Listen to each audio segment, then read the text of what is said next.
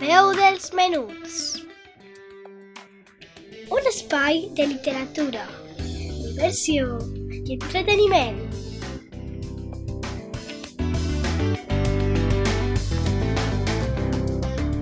Amb Laia Esteve.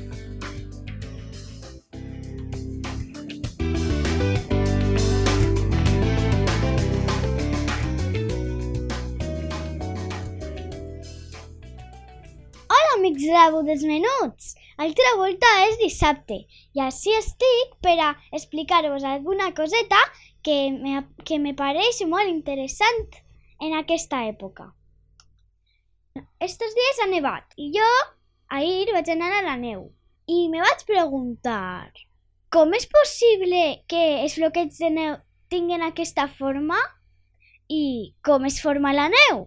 Voleu saber-ho? Comencem! La formació d'un floc de neu és un procés complex en el que intervenen moltíssims factors. Us, vos heu preguntat mai per què la neu és blanca? És cert que no hi ha dos flocs iguals? Què fa que varia la qualitat de la neu? Per què es diferencia la neu al Pirineu si és fruit d'una llevantada o si l'aire és del nord? La història d'un floc de neu comença amb el vapor d'aigua present a l'aire. L'evaporació dels oceans, llacs i rius posen vapor d'aigua a l'aire, tal com fa, per exemple, la, la respiració de les plantes. Fins i tot tu, quan exhales, quan exhales, poses vapor d'aigua a l'aire. El nostre vap. Si agafem un paquet d'aire i el refredem, en algun moment el vapor d'aigua es començarà a condensar. Quan succeeix això a prop de terra, l'aigua es condensa com ho fa el reixiu a l'herba. En altura, l'aigua es condensa sobre partícules de pols que suren a l'aire. Es condensa en innombrables petites gotes, on cada, cada goteta conté almenys una partícula de pols. Un núvol no és més que una grandiosa col·lecció d'aquestes petites gotes suspeses a l'aire. A l'hivern, els núvols que plouran neu estan formats majoritàriament per gotes d'aigua, fins i tot si la temperatura està per sota del punt de congelació. Aleshores es diu que l'aigua està supercongelada, que no vol dir res més que està congelada per baix del punt de congelació. Tal com van refredant-se els núvols, les gotes es comencen a congelar. Això comença a passar al voltant dels menys 10 graus, però és un procés gradual i les gotes no es congelen de cop. Quan una gota concreta es congela, es converteix en una petita partícula de gel rodejada de gotes d'aigua dins del núvol. El gel va creixent a mesura que el vapor d'aigua es va condensant per damunt seu, formant així flocs de neu en aquest procés. Quan va creixent el gel, la resta de gotes es van condensant lentament i posen més vapor d'aigua a l'aire. Així és com va l'aigua, s'evapora i es converteix en vapor d'aigua a l'aire i tal com es converteix en vapor, es torna a condensar sobre els flocs de neu que estan creixent. Tal com cau la neu, hi ha un flux d'aigua que va passant de l'estat de líquid, gotes al núvol, a l'estat sòlid, flocs de neu. I aquest és aproximadament el complex procés de com es congela un núvol. Però, per què la neu és blanca? No, no és que l'hagin pintat.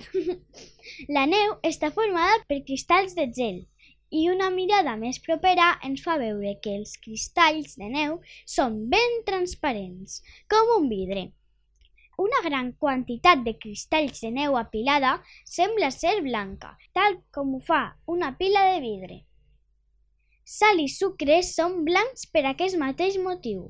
Que curiós! No sabia que foren tan pareguts! El que succeeix és que la llum és parcialment reflectida per una superfície gelada, un altre cop com succeeix en una superfície de vidre. Quan tens moltes superfícies parcialment reflectants, com per exemple una pila de neu, La llum que li pega és expulsada i a voltes dispersada. Com que tots els colors són dispersats, més o menys per igual, el banc de neu sembla ser blanc.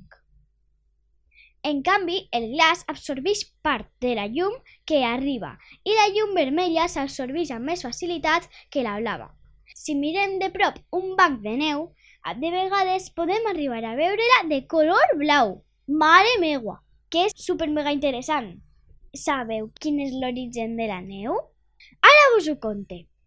Les masses d'aire que porten neu a la península ibèrica tenen unes característiques tèrmiques molt diferents i, per tant, el tipus de neu que deixen és molt diferent. Les masses d'aire d'origen àrtic, les que ens porten les grans nevades al nord del país, són les que porten la neu de la millor qualitat. Combinen quantitats d'humitat moderades amb temperatures molt baixes a l'interior dels núvols. Durant el temps de precipitació s'observen flocs de gran tamany i nombrosos cristalls. Després del pas de les pertorbacions que porten la neu, es pot observar un dipòsit de neu molt esponjós. És neu seca, de característiques similars a la mítica neu d'alguns punts dels Alps o de Nord-Amèrica. La majoria de nevades que arriben als sistemes muntanyosos del centre i del nord del país les porten les masses d'aire polar marítim de l'Atlàntic. No són molt freqüents, però les invasions d'aire fred polar continental o siberià no és freqüent que porten grans nevades, al contrari del que es puga pensar. Deixen poca quantitat de neu, però un fred! La majoria dels ulls, infantils o no, no poden veure la coneguda estructura hexagonal del floquet de neu. I això és tot per avui! Espero que no tingueu fred i que si aneu a veure la neu, aneu amb molt de compte si aneu en cotxe, perquè pot ser molt perillós. Gel, el fang, la pluja i, buf, moltes coses més. Moltes gràcies per escoltar-me. Vos espero la pròxima setmana a la veu dels menuts. I com sempre vos dic, cuideu-vos molt!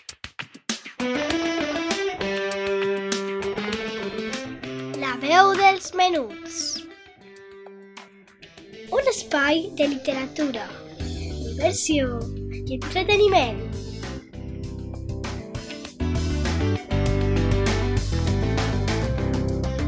Amb Laia Esteve.